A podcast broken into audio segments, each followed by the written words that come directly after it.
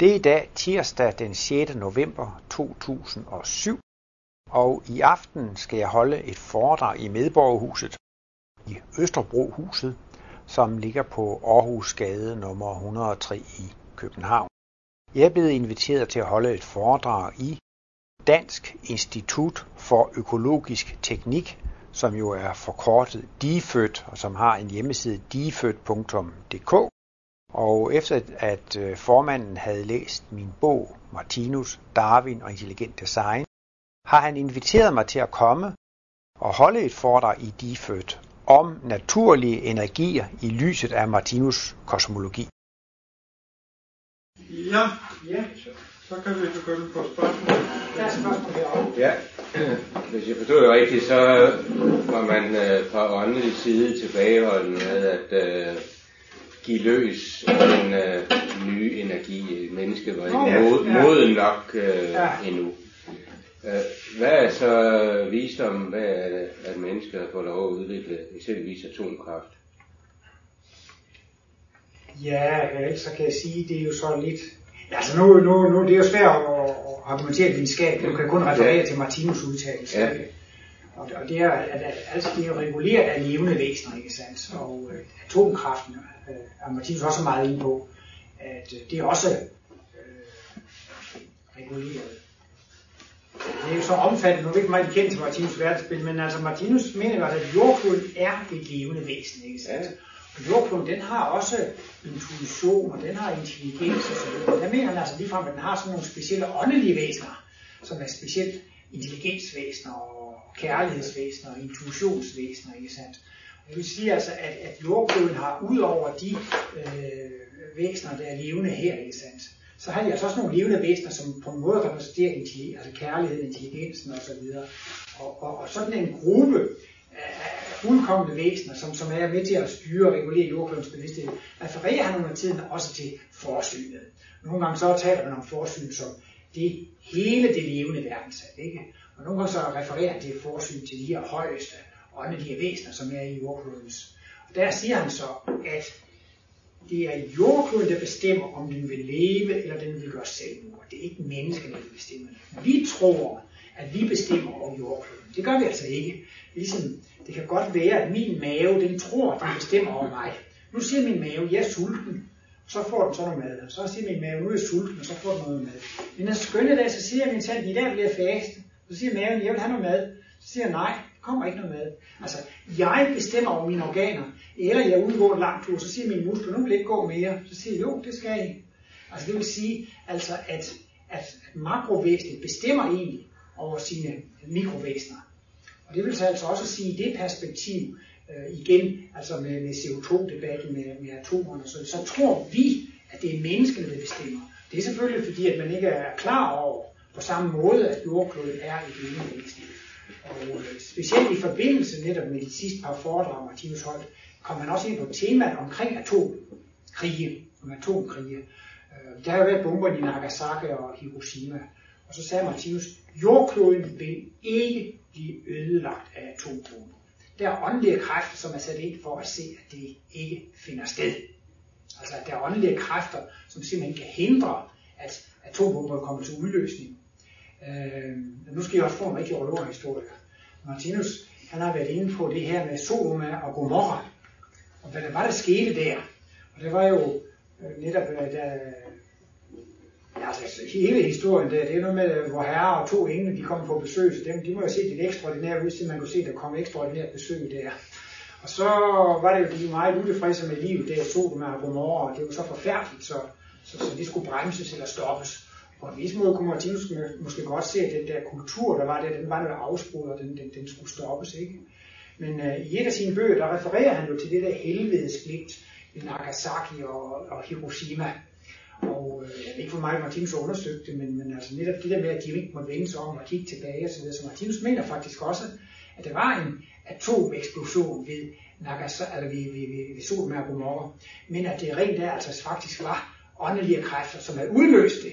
Fordi at, at det, det lyder selvfølgelig meget mærkeligt, ikke? Og så at sige, at der skulle være smidt en åndelig atombombe over, over det. Men altså, jeg nævner det bare for, at at sige, at det går begge veje. Altså disse åndelige kræfter, de kan også neutralisere en atombombe. Altså hvis det er en atombombe, der, hvis nu det var sådan, at der var nogen, som ville ødelægge jorden med atombomber, så kan vi ikke.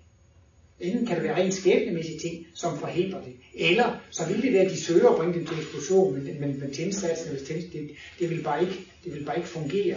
Så man kan sige, altså, der kommer ikke mere djævelskab med atomkraft, end man får lov til. Men, øh, må man sige noget? Ja, ja, jeg ved ikke, øh, et, jo. Ja. Et spørgsmål, som Martinus ofte blev stillet, var, hvorfor tillader de høje kræfter et eller andet ubehageligt, som for eksempel krig? Og hans standardsvar var, at hvis vi ikke havde det ubehagelige, så ville vi aldrig være i stand til at opleve det skønne. Øh, vi er nødt til at have et kontrastforhold, og derfor skal der en masse til. Mm. Så vi har jo altså fri vilje, og vi har fri vilje til at lave alle de værste fejltagelser, der kan laves. Og det får vi så lov til. Og han siger jo så også et sted, altså, alle hans analyser, de siger jo i et vist perspektiv, så er alt sover godt, alt på sin plads, og kontrasterne er nødvendige osv., det er altså, han sover godt. Men lidt lokalt set, så kan han godt sige, at da mennesket spalte atomkernen der og lavede atombomben, det er jo den største fejlklasse, man kunne gøre. Der findes næsten ikke noget, der er mere. Det er det mest djævelske, det er det mest forfærdelige, man kan lave. Ikke? Så det er atombomber og, og lide under den stråling, vi skal der. Det er altså det mest djævelske. Men Martinus siger, at for at være alkærlig, så skal man være ekspert i både det gode og det onde. Det hedder så også i den der bibelske skabelsesberetning, at man skal lære at kende forskel på godt og ondt, ligesom Gud selv. Og det kan man ikke gøre bare ved at sidde og studere i bøger. Det var altså oplevelser, man har lov til at gøre begge dele. Men øh, ellers så vil jeg måske prøve alligevel at, og, og sige det der med, hvornår noget bliver tilladt. Der taler Martinus om, at der findes forskellige former for psykiske evner. Og der taler han om, at der findes lavpsykiske evner og højpsykiske evner. Og kriteriet for, hvornår en evne er højpsykisk eller lavpsykisk, det er, lavpsykiske evner kan man få på lave udviklingstrin. Disse psykiske evner kan man få uden at have nogen særlig høj moral eller kærlighedsevne. Men de høje psykiske evner, dem kan man først få, når man har nået et vist kærlighedsniveau. Og der kan man så sige, altså, sådan noget nu som Jesus, som lavede de der mirakelhelbred, så vil Martinus sige, at det, det var altså højpsykiske evner. Men dem får man først, når man har sådan en kærlighedsstandard, at man ikke kan finde på at misbruge dem. Men han siger altså, at hvis vi på vores nuværende udviklingstrin havde de samme kræfter, så kan vi bruge dem i militær øje med. Hvis det er var sur på, jamen så tænkte jeg bare på ham, så, så fik han bylder i hele hovedet, og altså, så, så, så blev han syg. Altså, altså, altså Martinus mener, altså, at man lige faktisk kunne holde sin fjende i en permanent øh, vandsiger, sygelig tilstand, hvis man havde de evner, som Jesus havde. Men dem har man bare ikke på det her udviklingstrin. Altså der er ligesom sat et spær for, at sådanne høje evner kan man bare ikke få, før man har en højere moral. Altså, det, er, det er sådan lidt ligesom, når børn vil ikke lege med tændstikke. Det er først, når man bliver voksen. Man, altså nogle gange, hvis man får for, for, for, for stærke midler på for lavt trin, så går det galt, ikke sandt? Og øh, ja, så har vi altså fået lov til, til en vis grad at, at bolde os med atombomberne. Mm, men altså, og så er altså også lidt med den frie energi, der det er ligesom, altså man må måske ikke give børnene tændstikker og lege med, altså, men altså, det, jeg har ikke set det på skrift, hvor Martinus siger det der med, at, at energien ikke er frigivet endnu, men, men, men der er jo visse ting, så ser man det igennem mennesket. Når menneskene er kommet til det trin, så opdager de mikroskopet, og når de når det trin, så opdager de elektricitet, og når de kommer til det trin, så opdager de atomfysikken. Og der er sådan visse ting, der kommer, som først kommer, i hvert fald når den intellektuelle udvikling er til stede. Før kan det ikke komme. Men så er det så altså også visse ting, de kommer altså ikke før, før, før så må sige, den intuitive, den kærlighedsmæssige udvikling er til stede. Ikke? Jo. Jeg ved ikke, det er nogen, der det første men jeg kan godt, jeg kan godt se dit paradoks, hvorfor det ene og ikke det andet. Ja. Hvorfor det der med energien og atomerne, ikke? Men altså, der har vi så alligevel fået lov at lege lidt med atomerne. Ja. ja. ja. Kan man ikke forestille sig, at øh, de mennesker, som går til grunde eller går, går ned på grund af atomeksplosioner, at de bliver samlet til, til små bitte stykker, og som det var mange tusind år før, det kan blive øh, til åndelige væsener igen. Modsat andre former for død. Ah, det tror jeg ikke, man kan forestille sig. Ja, det ved jeg ikke. Jo, det, man kan forestille sig alting, men Martinus ser jo mig på, at vi har jo en krop, og den er jo meget skrøbelig. Det er jo bare lige, man drejer forkert på rettet, eller bare lige et par sekunder, hvor man ikke er, så, så, så, så, så er det ulykke, så er den fysiske krop væk. Den, den, den er så sårbar, ikke sandt? Men at han siger også, at den fysiske krop, det er jo nærmest ligesom en skoleuniform. Altså, de er jo her lige ved skole, og ligesom børn i nogle skoler, de har skoleuniform på. Så er vores fysiske krop, det er bare en skoleuniform, det er bare en ydre skal. Altså det, øh, vi har som jeg også har meget meget i på den her bog, det er jo det, at hver gang vi gør en oplevelse, så, så har vi jo lært noget af det, ikke sandt? Og, og et af mine overskrifter der i bogen, det er også livets evige indsamling af information. Det evige liv er en evig indsamling af information. Hver gang man gør en oplevelse, så indsamler man information. Men så er spørgsmålet bare, hvor skal man lagre den information? Og der er det så, det er det, der er det helt specielle ved Martinus beskrivelse af det levende væsen. At det har altså noget af det, der guddommelige noget, det er det, det er det evige. Vi har altså en del i vores struktur er evig uforanderlig. Og der kan man så altså lagre informationer. Og Disse informationer, som vi indsamler, de kan udstationeres i dette evige element, hvilket gør, at de overlever den fysiske kropsdød. Så altså, hvis man i det her liv bliver udsat for radioaktiv stråling, så bliver kroppen ødelagt, og så går den til grunde. Men den erfaring, man fik, den bliver så udstationeret og lagret i evighedslægemet, ikke? Og så er den pot ud, så får man en ny krop næste gang, som ikke er radioaktivt skadet. Øh, og, og der er ingen øh, sådan at sige, spring i udviklingen. Altså, al udvikling er baseret på gradvis, at man samler mere og mere information, end man træner og, og, og, og, og øver sig. Det er ikke sådan ligesom i Ludo, at man er uheldig, og så bliver man sat 1500 år tilbage, eller tre felter tilbage, eller, eller to felter frem. Altså, det eneste, der går ind fremad, det er oplevelse, erfaring, træning og øvelse. Og ingen erfaring, ingen oplevelse, ingen træning, ingen øvelse er spildt, fordi det koncentrerer sig i det, Martinus kalder talentkerner, som kan læres i den evige struktur. Det er selvfølgelig et stort spørgsmål for mange. Kan det virkelig lade sig gøre, at information kan overleve den fysiske krops undergang? Ja. Øh, flere kommentarer. Det passer, øh, eller Martinus så meget fint det der med, at jorden kunne være et levende væsen. Vi skal her huske på James DeMeos øh, undersøgelse over sammenhængen mellem øh, kernetest, altså test af atomvåben og jordskælv. Han mente at kunne påvise, at øh, jordskælv er mere hyppige øh, efter kernevåbenforsøg med en forsinkelse på et par måneder. Og det forklarede han, som var øh, ræk disciple, med at jorden, der var et levende væsen, brød sig ikke om kernevåbentest og øh, blev forstyrret og gav jordskab. Øh, vi har her i, i foreningen dyrket en forfatter, der hedder Kanne, og vi har muligvis øh, et par af hendes bøger i biblioteket. Øh, hun øh, studerer reinkarnation og har netop beskæftiget sig med øh, mennesker fra Hiroshima. Og ifølge hendes undersøgelse, så bliver de altså ikke splittet til små bidder, men eksisterer som hele væsener også bagefter. Øh, men så det er bare skoleuniform. Men så et, et uh, spørgsmål. Martinus giver et bud på, hvornår vi når en sådan åndelig udvikling, at vi kan komme videre. Og det er øh, temmelig pessimistisk. Han taler om øh, meget lange tidsrum. Jeg husker noget i retning af 20.000 år. Så hvis vi skal bruge hans bud på at forudse, hvornår vi kan få fri energimaskiner, øh, så ligger der altså langt ude fra det. Nej, altså, det, det, det er kun 3.000 år. Og, og der mener han så ligefrem, altså det betyder, at der vil flertal af, af jordens mennesker være færdigt udviklede mennesker, altså kristusvæsener, eller gudevæsener, altså rene kærlighedsvæsener. Øh, det, har ikke, det er ikke helt det samme at være et moralsk geni og være kær, altså være kristusvæsen, men man vil kunne opdage den frie energi øh, meget tidligere. Men jeg tror bestemt, det er lige om hjørnet tror bestemt, det er lige om hjørnet, det med den frie energi. Altså. Martinus, øh, han har næsten kun to steder, hvor han næsten altid bruger til. Lige i forbindelse med, med 30 år, altså i, i fostertilstand og barndom og ungdom, der repeterer man tidligere liv. Og så op til den er 30 år. Og så er der tit de der 3.000 år. Og så siger han, så er der for at være helt sikker, så er flertallet altså blevet så fuldkommende mennesker. De er ligesom Kristus De kan ikke gøre noget De kan kun handle kærligt og, det er jo et fantastisk trin at nå til. Men en gang imellem så antyder han lige lidt foredrag nogle samtaler, men i hans skriftlige litteratur er det næsten kun de to tal, de 30 år, de 3.000 år. Der. Men øh, han har alligevel skitseret, at det der med krige her på jorden, altså de voldsomme krige, sådan at verdenskrige og sådan noget, det må man nok regne med, det kan være de næste par hundrede år. Men det er ikke mere.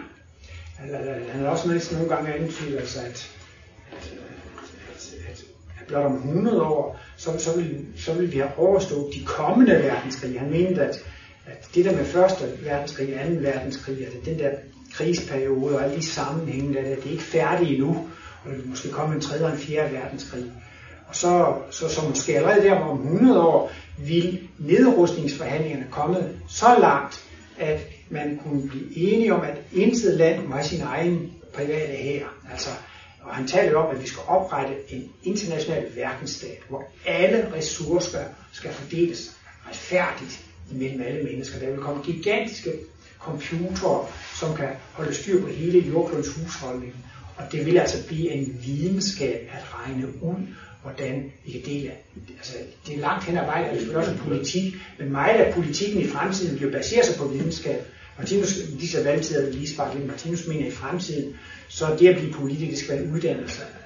Altså, så her kan jo en pølsemand og en mavedanser og så videre, de kan komme ind øh, i, i Folketinget og tage stilling til, til, til, til landets øh, husholdning og økonomi og sådan noget. Sådan vil det ikke, sådan vil det ikke være i fremtiden. Så, så vil det være, så vil det være altså, øh, en uddannelse. Det er jo klart, at politik skal jo mere gå i en videnskabelig retning, ikke? sådan så altså, man videnskabeligt kan fordele ressourcerne og, og, og, og regne, regne det hele ud.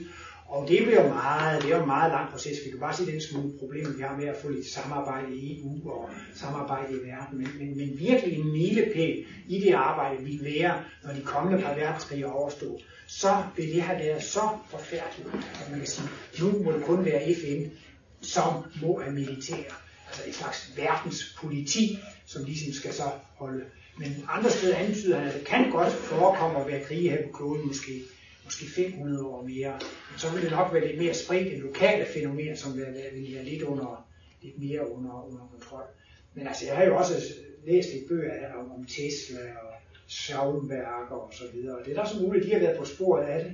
Jeg ved ikke, der er jo tit nogle af de der historier om de der misforståede genier, ikke? altså man mener Tesla, han havde fundet ud af det, eller Schau, Schauberger havde fundet ud af det, men det, så sker der åbenbart altid noget, så det ikke bliver til noget med det alligevel. Der er så mange konspirationsteorier om, at det blev stoppet af den ene og den anden vej. Men det kunne jo så også være, måske som Martinus ville sige, at jamen, altså, det er blevet stoppet af åndelig vej, det er jo for tidligt. Altså du vil ikke blive frigivet. Martinus mener jo også om sit eget arbejde, at det er ikke blevet frigivet. Altså, det er også så underligt, når det er så stort og omfattende forfatterskab, at det er næsten ukendt af offentligheden. Da jeg har underviste i kemi, så spurgte jeg nogle gange i en klasse, hvor mange har hørt om Martinus? Og det varierede mellem 0 og 1, ikke? 20, så jeg regner med, at det er sådan omkring 5 procent, der hørt om ikke? Og plejer for mange har hørt om Esperanto. Det er jo som regel sådan 5, 6, 7, 10 stykker, men øh, så, så, så, så, så det, det, kan både være det ene og det andet, der bliver, der bliver, bliver holdt tilbage. Ja. Øh, her for ikke så længe siden var Randers over i Sverige til et foredrag, eller til flere forskellige foredrag om fri energimaskiner. Ja. Og der er frie energimaskiner fra hele verden, der blev ja. der og vist til. Øh, men der kom, det kom frem, at mange af de maskiner, der blev vist, blev, så, så, så kom der et par mennesker, der var sortklædt, eller hvad man skal kalde, og, og så sagde til, til folk, de skal ikke sælge den. Og hvis de, hvis de sælger den, så bliver dem eller deres familie osv. Øh, påvirket af og, og så får de ikke lov at sælge dem videre. Hvem er det, der stopper er det, det er noget, der har med åndelige højere vagter, eller er det, er det olie, hvor man på jorden, eller? Ja, det er jo svært at svare på, det kan jeg ikke sige, men altså, man kan da sagtens forestille sig, at, at man øh, bruger jo tit ufine midler i forretningsverdenen. Det gør man jo. Det er jo tit i år. Altså bare sådan på det. og de siger jo altså meget, det der foregår i forretningsverdenen, det er legaliseret røveri, ikke? Men i virkeligheden, så er der altså ikke stor forskel på at røve og plyndre derude i naturen, og altså øh, og stjæle fra andre med rov, magt, ikke? Så at, øh, det er i hvert fald uretfærdigt, det der sker mange ting i og i det omfang, det er uretfærdigt, så er det altså også kamufleret røveri, eller legaliseret røveri. øh, og, og man er jo så det er ikke det passer nogle gange. Så ser man også, et bødetrådspas, så forsker man i, at ikke skal holde for lang tid, så skal man købe nye dele. Så sådan er der mange industriprodukter.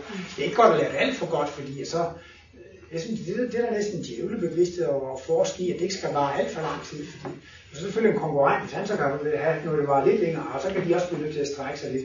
Så det er jo tit, man gør nogle, det er sådan det der ufine ting, at gøre ting, øh, som ikke holder så langt, bare for at kunne sælge noget mere, det er det, der ressourcespil, altså det er da egoistisk, så det kan da godt være, det, ved ikke, det, der, altså det der mafia, folk går over Rusland og hører, hvordan de arbejder, det er da også klart, det er da ikke så sjovt at høre, at, at man kan bruge sådan nogle midler i, i, i egen interesse. Og alt det der med, øh, Martinus synes, det skal være et verdenspoliti, og jeg tror nok i fremtiden, så vil man ikke tillade, at der vil være en Papadok og Saddam Hussein og Milosevic og sådan noget. Så vil verdensstaten gå ind og sige, vi kan ikke have, at mennesker skal leve under sådanne diktatoriske forhold, og så vil verdensstaten fjerne diktatoren, ikke? Så er det så nogle gange så er det så koblet til, til olieinteresser, naturinteresser, og der er det jo så Kuwait og Irak, og så, og så går de jo så ind der uden et mandat fra verdensdagen. Så er det ikke bare ren verdenspolitik, så har det også noget at gøre med, at man er interesseret i at, at udnytte olien, ikke sandt? Det viser også, hvor, hvor langt man går for at få adgang til ressourcerne. Altså, måske lige fra man kan lave krig bare for at, for at få ressourcerne, så jeg mener, det er jo ikke altid, man bruger lige fine midler Altså, det kan jo ikke vide med de der sorte Det kan der sagtens være sådan nogle mafia-folk, eller sådan nogle øh, folk, som... Men uanset om det er den ene eller den anden slags, så hvis nu vi siger, at det er primitive forretningsinteresser, der gør, at det bliver stoppet, så på et højere niveau, så er det jo alligevel forskning, der tillader det, og forskning, der vil have, at det foregår på, på, på, på den måde. Hvad tror du selv? Jeg ved det ikke. Det ved det ikke. Men ellers så vil jeg måske lige vende tilbage til det med jordskælvene. Ja, det, det vil Martinus også bekræfte. Han siger altså decideret, at det er jordklodvæsenet, som bestemmer klimaet. Ikke? Og klimaet, vi, vi siger, det er sådan mere eller mindre døde naturkræfter. Ikke? Martinus siger, det er levende kræfter i jordklodens egen organisme. Og det er ikke tilfældigt, hvornår der er vulkanudbrud, og hvornår der er jordskælv osv. Han siger altså, det er øh, på en måde en slags øh, nervereaktioner en slags fysiske nervereaktioner, som følger jordklodens bevidsthed. Ikke? Hvis jeg nu bliver meget flov, så bliver mine ører røde, eller hvis jeg nu ser den elskede hende, jeg er forelsket så begynder hjertet at banke lidt hurtigere, eller hvis jeg har dummet mig, så, så bliver ørerne også røde, eller hvis jeg bliver vred. Eller sådan. Altså, nogle gange, så har vi jo faktisk en psykisk reaktion, som faktisk får en fysiologisk virkning. Ikke? Og det mener Martinus så også. Og når han specielt peger på jordskæld og vulkanudbrud, så er han inde på, altså, at det er udslag af øh, sådan en slags fysiske nervereaktioner af processer, der foregår i jordklodens bevidsthed. Og der er han så inde på, at jordkloden just nu er inde i en meget dramatisk udvikling. Og jordkloden er altså ved at gøre et mentalt opgør. Og den er ved at tage afstand for meget dyrisk og for meget uretfærdigt. Og ved at komme ind på, at nu skal tingene gøres på en anden måde, en mere retfærdig måde, og ikke så, så voldsom og så grov og en primitiv måde. indsat. Så jordkloden er faktisk inde i et vældigt mentalt opgør hvor den er ved at udrense det dyriske af sin bevidsthed, og hvor den er ved at blive mere human og venlig. Ikke? Og den er i en slags dødskrampe, hvor nogle af de dyriske tendenser er ved at dø, og nogle nye tendenser er ved at blive født. Så taler Martin så meget om dødskrampe og fødselsved. Så jordkloden er en utrolig kraftig mental aktivitet. Og det er altså min personlige mening, at det er årsagen til alle de her klima, klimarekorder. Altså lige så vel som hvis nu jordkloden ikke kunne lide en atomprøvespring, så reagerer den på det, ikke sandt? Og, og, og hele den der udrensningsproces, den mentale udrensningsproces, den gør altså også, at så når man har så mange klimarekorder just nu, så er det, altså hvis det er meget usædvanligt klima, så er det fordi, at det er meget usædvanlige mentale processer. Jeg synes, det lyder meget logisk, det der. Det kunne jeg godt forestille mig, når Martin så siger, at jordkloden er mikrofyl, kan ikke tåle det der atomkraft, ikke? At den så også i sin bevidsthed reagerer på det. Ikke sandt? Det er næsten også ligesom, hvis man bliver stoppet, stukket med en nål eller sådan et eller andet. Altså, det, det, det giver da en, en reaktion i helheden, så, så, så det synes jeg, der stemmer meget godt med, med Martinus. Altså. Altså, du har ikke sagt så meget endnu. Jeg har ikke sagt meget. Ja, men jeg får den tanke her nu i forbindelse med vores øh, olieudvinding. Man kunne da også godt forestille sig, at øh, det havde en positiv effekt at få disse døde lag af gamle organismer væk fra jordkloden, sådan at det blev sat i gang i en kredsløbsproces igen og anvendt. Det er jo en anden måde at se på det med olie. Ja, det synes jeg er logisk. Øh, sådan at man ligesom får ja, renset ja. jordskorpen for de ja. der gamle organismer. Ja, det synes jeg er logisk. Jeg ved ikke, man må lave en analogi til Kolon Institut ude i Bagsvær. Nå, men der har man sådan noget tarmskyldning, ikke sandt? Så er der nogen, der siger, at man har sådan nogle tarmdivertikler, eller sådan nogle små indposninger på tarmen og så videre, og der er nogle ting, de kan gemme sig i tarmen i lang tid og sådan noget. Så kommer man der i kolonterapi, og så øh, får man så en slange ind og en slange ud, og så får man skyllet tarmsystemet igennem med, med 50 liter vand, ikke sandt? Og så kommer der også en masse interessante ting ud efter sine. Og noget af det skulle så have ligget i sådan nogle lommer og ligget der i lang tid, ikke sandt? Og det skulle så være så godt at få det der skidskyld ud af tarmen, ikke? Og sådan lidt analog med det der, det, det, det kunne også være, og jeg synes det netop også ud fra et rent ressourcemæssigt synspunkt, ikke sandt? Så, så er det jo, det er jo mad, ikke sandt? Altså ligesom nogle gange, nu bliver det snart vinter, så skal vi se at fodre dyrene og fuglene, altså vi vil da gerne hjælpe levende væsener til, at, at de får lidt mad, ikke sandt? Og det kan man jo så sige, at de energiressourcer, der ligger der, det er jo gamle planter, ikke? altså fossil, fossile planter, som ligger der. Ikke? Så det er da også en slags mad til os mennesker, ikke? altså noget, noget, noget vi kan spise og nære os ved. Så jeg synes også kun, at det ville være en slags øh, kærlighedsgave fra naturens side, at vi fik lov til at bruge de her ressourcer op. Ikke? Og det er vel også klart, at, at man kan sige, at det kan måske også godt vente med den fri energi, indtil disse ressourcer er udtømt. Ikke? Altså, der er nogle gange der er sådan en, en højere tanke og en højere plan bag det hele, ikke sandt?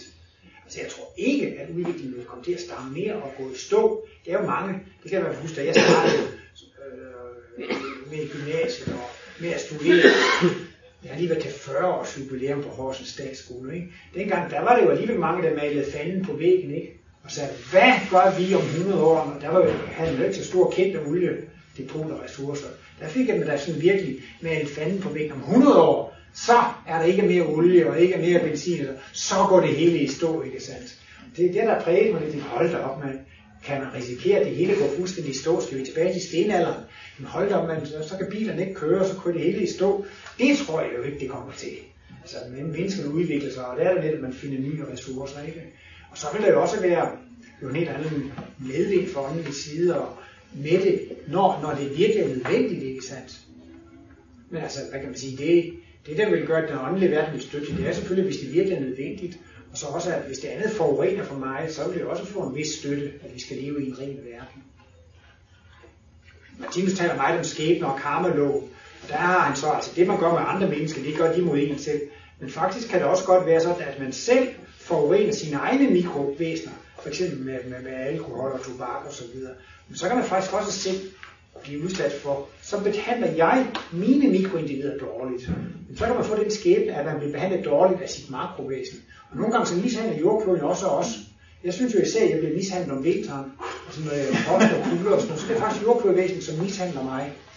Og øh, det kan jo også være visse områder, hvor det er naturkatastrofer og jordskæld, også steder, hvor, hvor, hvor det er tørke og så videre. Så på en eller anden måde, så er det ikke nogen tilfældighed, hvad det er for noget klima, man bliver udsat for, hvad det er for noget vejr, man bliver udsat for.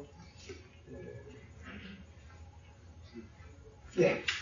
Øh, det forekommer mig, at Martinus har et øh, utroligt klarsyn, og han virker, øh, de gange man er i stand til at tjekke, øh, om det han fortæller er rigtigt eller ej, så er han sgu næsten altid ej. Har den mand nogensinde påviseligt øh, sagt noget, der var helt forkert?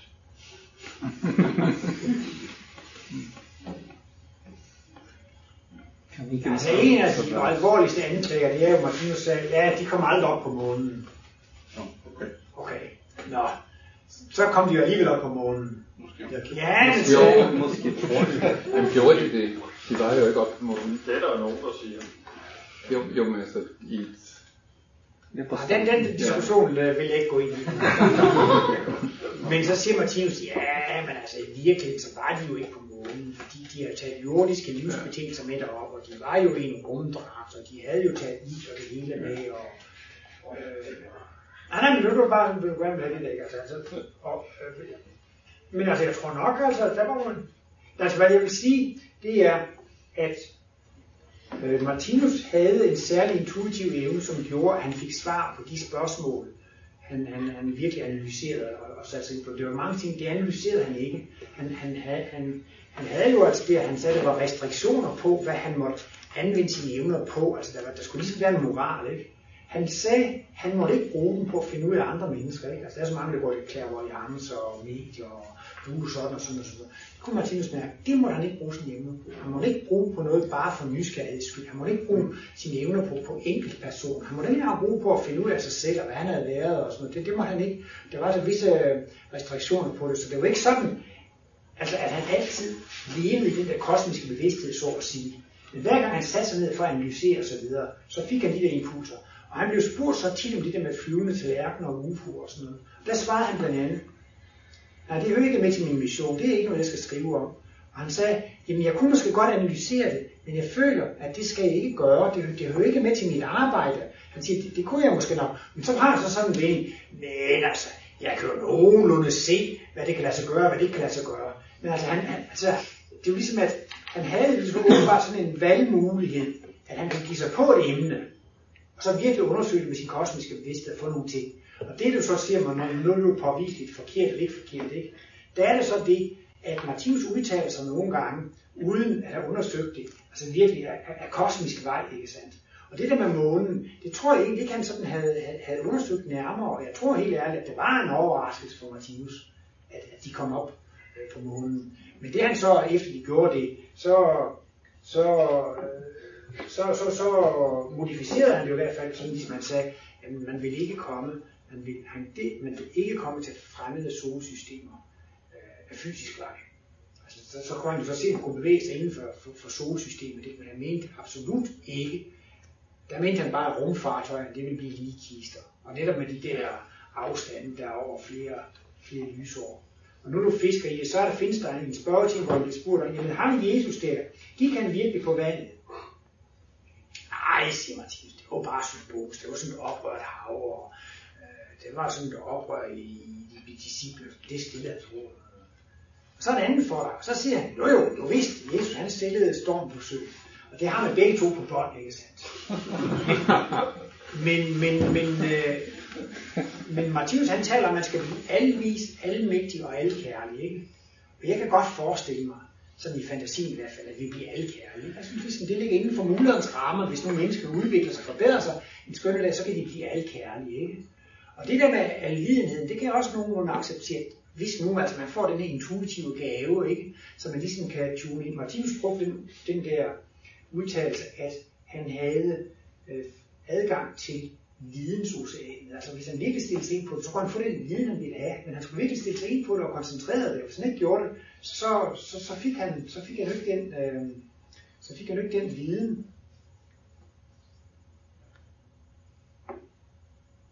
Og nu hopper kæden lige af. Hvad var det? Det var jo, det var også en struktur. Nej, nej, nej, det er jo forkert. Okay, nu skal jeg Ja. Og det jeg så har haft svært ved at forstå, det er, hvordan kan man blive almægtig? Det synes jeg, det var da underligt. Hvordan kan sådan en lille støvfnug blive almægtig? Og øh, der har Martinus mundtligt udtalt sig en hel del om Uri Geller. Og der synes jeg, det var lidt sjovt. Der fik jeg sådan en fornemmelse af, hvordan det kan lade sig gøre at være almægtig. Og det var for at forklare det der med Jesus almægtighed. Ikke? Og Martinus, han læste i 1974 den her bog om Uri Geller, skrevet af André Puharish. Og det synes Martinus, det var ordentligt interessant. Der er nogle andre Martinus medarbejdere. Det er jo flyvende tallerkener, og det er materiale, det er jo helt ude i ham, det er jo helt ude i skoven, og de synes, det er forfærdeligt noget. Martinus, han har jo så skrevet lidt om materialisation og dematerialisation og sådan nogle ting. Derfor synes Martinus, det var da mægtigt interessant. Der kom en mand i fjernsynet, som bøjer knive og gafler sådan med, med, med, med bevidsthedens indvirkning på det osv. Det synes Martinus, sådan, det er interessant. Nu er der lidt sådan noget, der begynder rent praktisk at, at bekræfte mine analyser. Og der hæftede Martinus så ved, det står i bog, at Uri Geller blev lidt skuffet, da han fandt ud af, at det var ikke ham, der bestemte, om det ville lykkes. Han optrådte jo meget på varieté og shows og så videre. Men det var ligesom, altså hvis der var en kraft bag ved ham, der tillod så kunne det lykkes. Og det var jo også næsten sådan et globalt fænomen. Dels så kom Uri ud til flere hundrede millioner af hjem, i hvert fald i Europa og USA.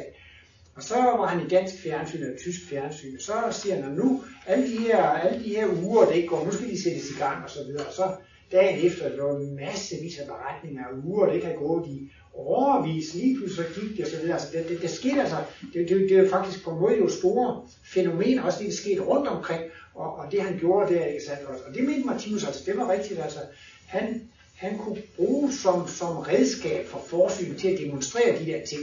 Martinus sagde bare sådan, ja, han havde nogle vældige åndelige muskler, han havde over, overdimensioneret astral krop eller astral læge. altså han havde altså sådan nogle særlige psykiske evner, men Martinus kunne se, at han var ikke særlig moralsk udviklet. Altså, det var ikke, fordi han var nogen specielt kærlighedsvæsen.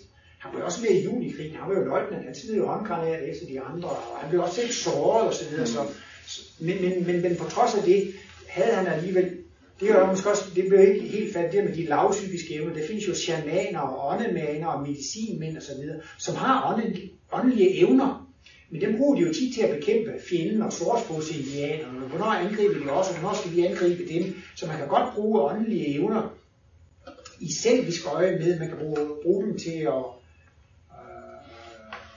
øh, drive krig. Det er jo også sådan noget, der er lidt kendt inden for dem der klærvoyant og så videre, og man må bruge det til at finde ud af, hvem det vinder i fodbold og tjene penge på det. Og, og der er også visse åndelige love, de slipper ikke så godt fra det. Altså, det, det, ligesom, det, det hører med til den etik, der er inden for, for sådan noget klærvoyance og sådan noget, at, at medier, det er klærvoyant, du må ikke selv bruge det på den måde, fordi så, så opdager de faktisk.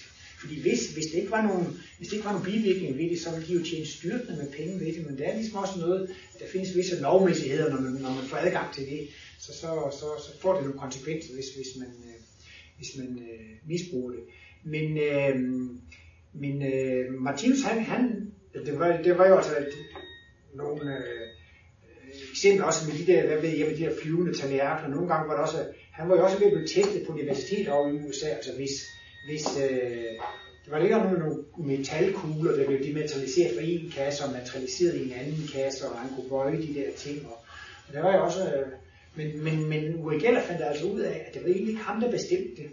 Det var faktisk altså åndelige kræfter, hvis de kunne bruge ham til den opgave. Og Martinus mente, at han havde faktisk en vis rolle for jordklodens, fordi det fik stor betydning, fordi det var 100 millioner mennesker, der fik lov at se det der. Så det vil altså sige, at det havde faktisk en vis betydning lige frem i jordklodens udvikling og, og, og det menneskehedens forståelse af sådan nogle ting, at du ikke kom der. Så det vil så sige, at på en måde så var han almægtig, Uri Geller, når, når ugerne og alt det der, det satte i gang ud over det hele. Men det var kun fordi han var redskab for nogle højere kræfter, ikke? Og det, er så, sådan, det, siger, mig, det siger Martinus så også i sin analyse af Jesus. Ikke? Når han kunne gøre sådan nogle ting, så var det i virkeligheden ikke ham selv, der gjorde det. Så var det fordi, at der var nogle kræfter bag ved ham, som, som støttede. Så hvis man så altså, skulle prøve lege lidt ud på, på, på landet for at redde den der selvmusik, hvis man nu er Martinus tilhænger, så vil man jo gerne bortforklare de der ting, som til syvende er forkert. Så vil jeg så sige, at Jesus som person og som enkelt menneske, han kunne ikke stille storm på søen. Det kunne han ikke.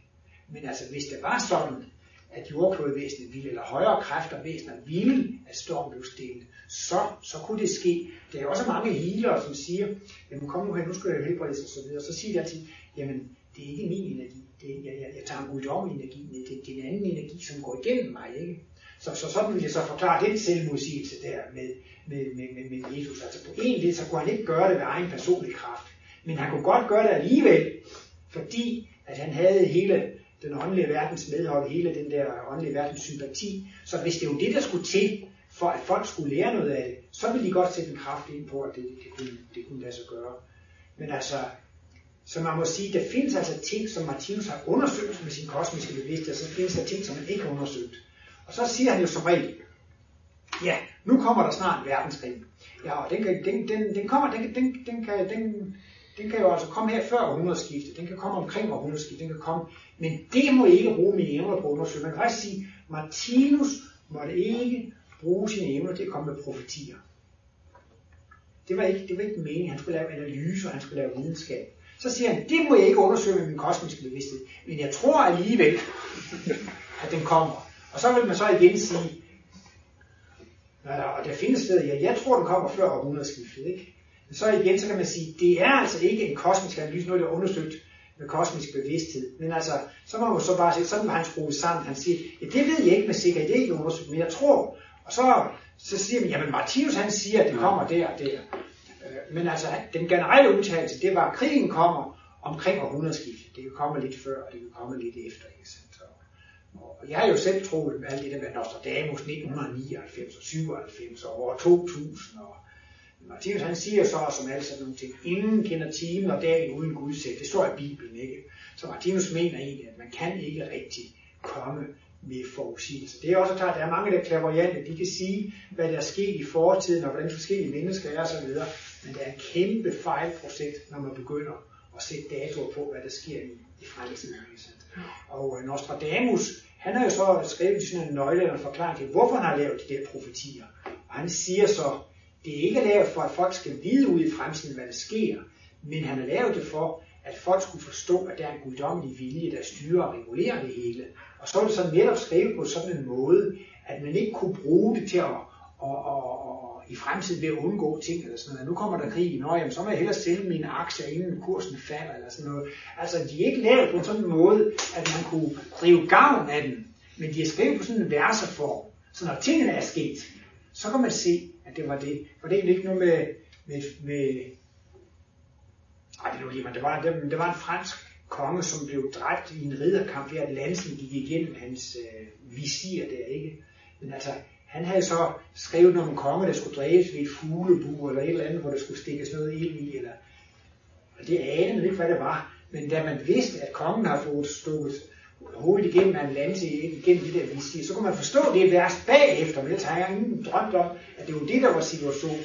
Og så var det så, at Nostradamus sagde, missionen med alle hans profetier, det var ikke, at man skulle undgå noget eller drage fordel af det, han sagde, men det var for, at man skulle forstå, at der fandtes en højere styring, en større guddommelig vilje. Ikke? Og når så Jesus gjorde mirakler, eller Uigella gjorde det, så er det for, at folk skal få en forståelse af, at sådan nogle ting. Martinus tillader det faktisk en vis betydning, at folk øh, fik øjnene åbne lidt, fordi Martinus siger, at der er en ny verden til at gå over jordkloden. Han mener lige frem, at vores jordklode snakker med en anden jordklode. Ligesom to opfindere kan snakke sammen og blive meget inspireret. Og, altså ligesom at øh, mennesker kan snakke sammen, så kan kloder også snakke sammen. Og der siger Martinus så, at der er en højrestående klode, som inspirerer vores klode meget lige for tiden. Den giver altså denne klode undervisning, og nu blandt andet altså kosmisk videnskab. Og Martinus har så sagt, at der er ved sådan nogle ret koncentrerede øh, impulser. impulser, han sagde, at den første impuls kom omkring år 1900, og, der, og det vil altså sige, at, den, at vores klode fik noget inspiration fra en anden klode. Og det var så, da den teoretiske fysik og atomfysikken blev givet fri, ikke? så lige der år 1900, så kom jo relativitetsteorien og Rutherfords atomer. Det, det, det, det, var altså ligesom, det, det var en stor åndelig impuls, som gik ind over kloden, og Martinus mener altså, at opfindere, selvom de ikke ved det, så er de virkelig understøttet af den åndelige verden. Ikke sandt? Og så var der altså mennesker, som var på det niveau og på den bølgelængde, de fik så den der inspiration. Og så siger Martinus, du kommer også sådan en impuls omkring 1920, og det er jo så det der, jeg har båret hans åndelige videnskab, altså hans kosmiske bevidsthed. Og så siger han mærkeligt nok, så kom der også sådan en lidt, lidt, lidt, lidt forstærket impuls i 1973. Han siger, ved 1900-tallet, så blev øh, fysikken givet fri, så blev videnskaben givet fri. Så kunne man bolde sig alt det, man ville med det. Og så i 1920, så kommer altså hele den her åndsvidenskab, så bliver det givet fri. Og i 1973, så bliver det psykiske, og det okulte og det mystiske givet fri.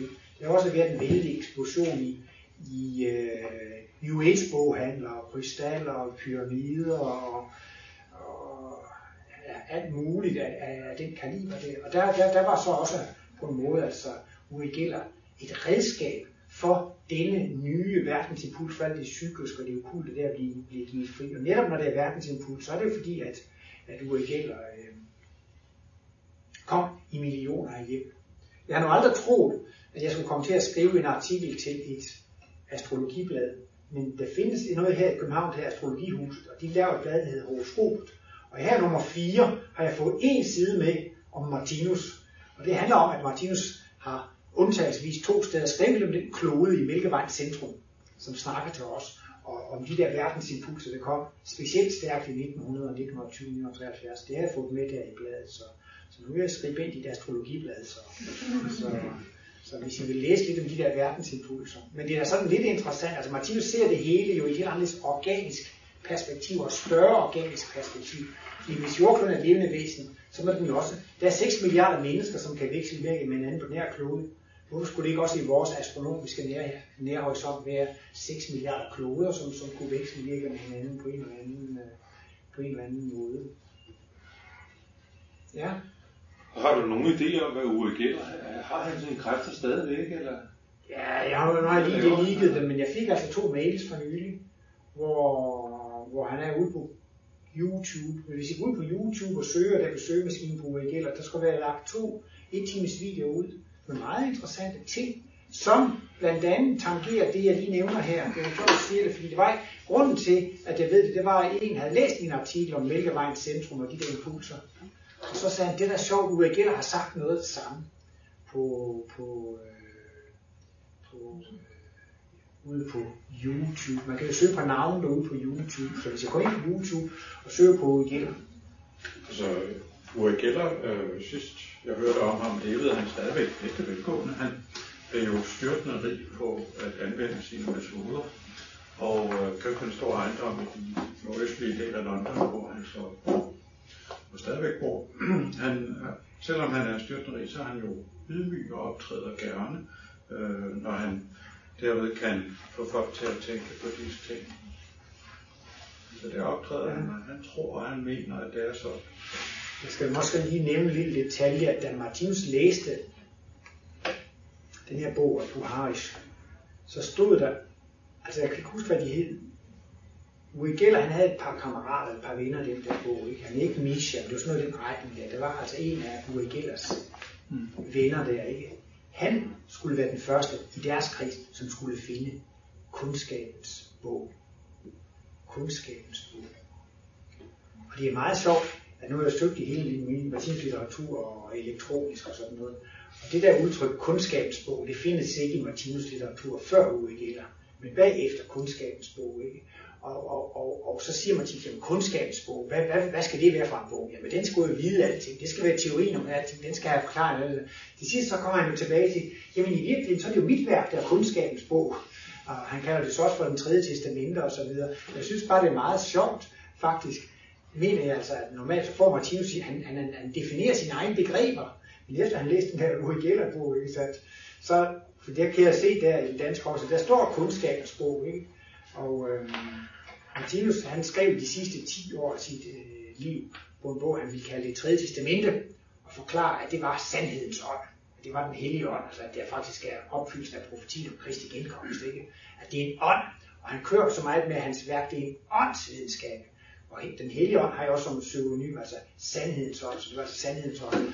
Og jeg tror, Nå ja, og, og det, der, det der værk, det bliver han jo så ikke færdig med. Jeg har fået lov til at arbejde med de der efterladte manuskripter inde på Martinus Institut.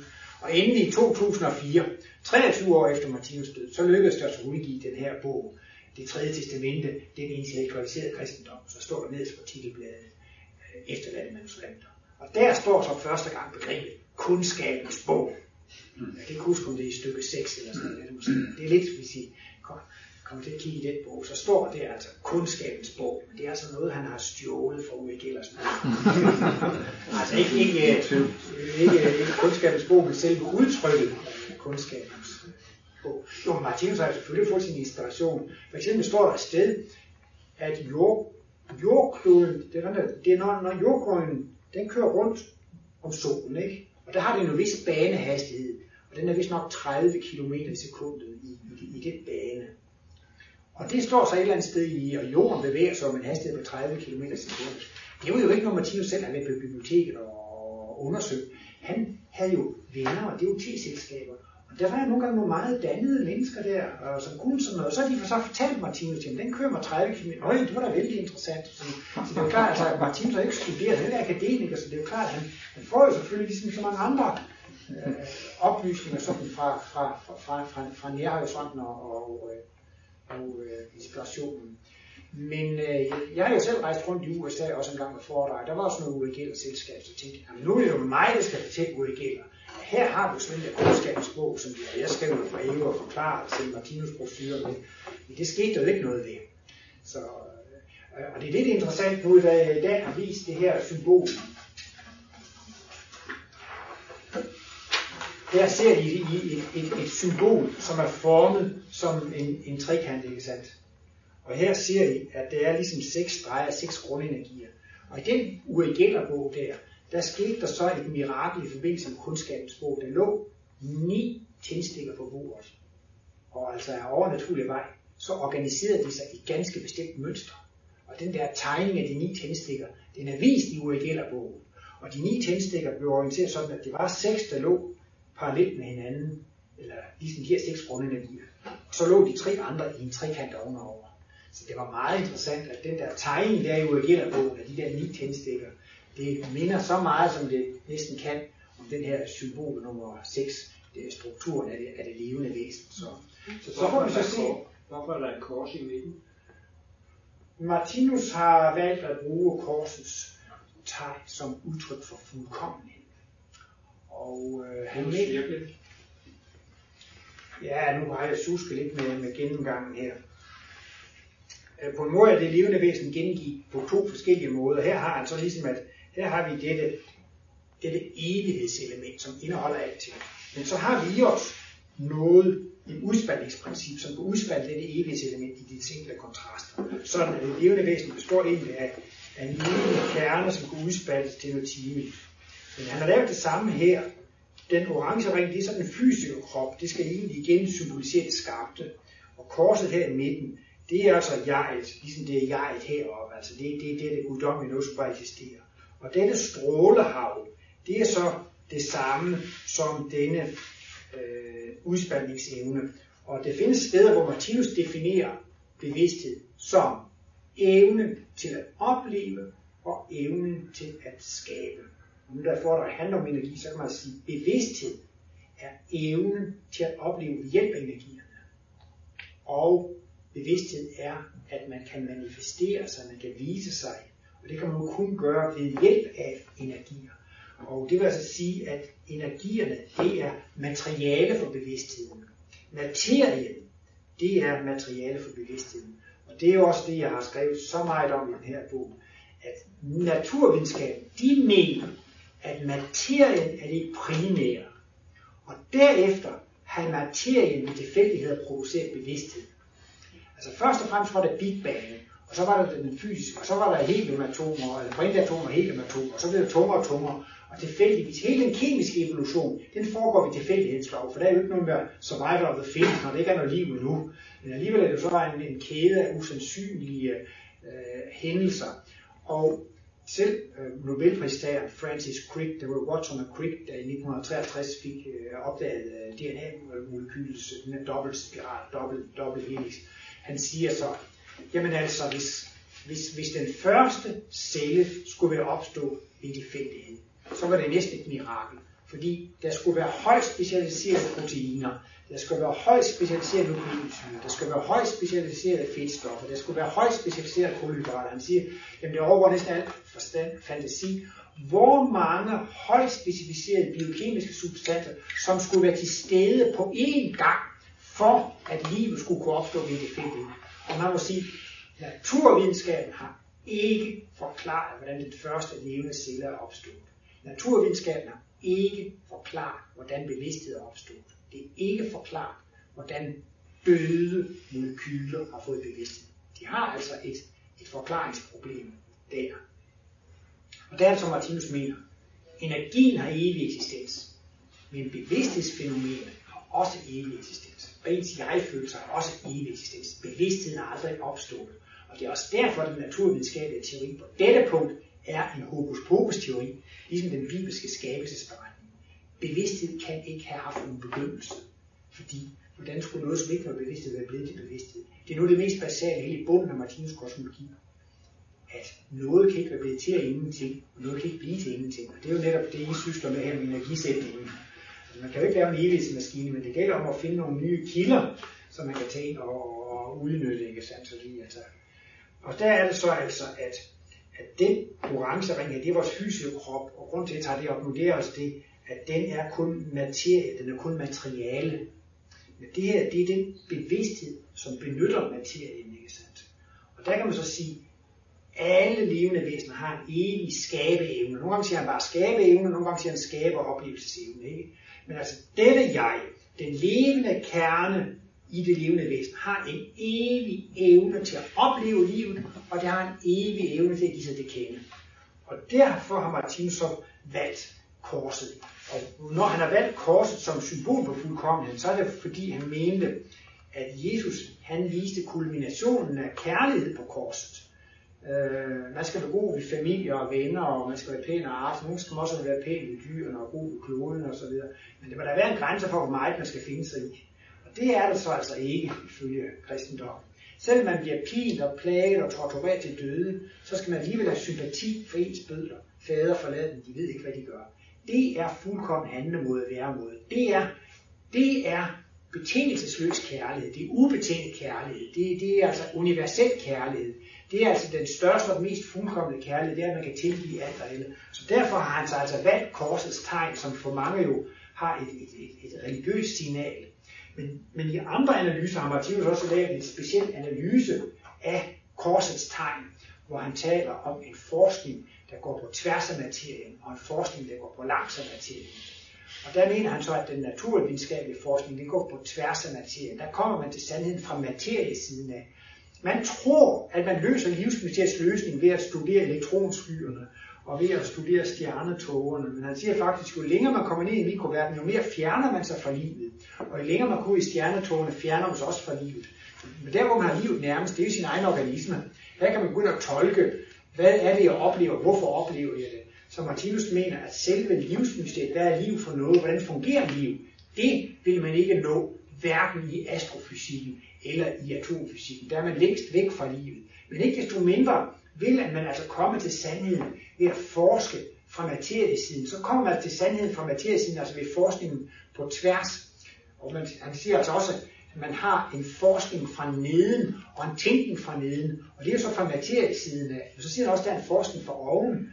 Og det er så altså den intuitive forskning, som Martinus selv repræsenterer. Men de to forskningsretter vil komme til at møde hinanden. Og, derfor har Martinus ikke noget imod naturvidenskab. Han siger, han siger, at naturvidenskaben er fuldstændig suveræn inden for sit kompetenceområde.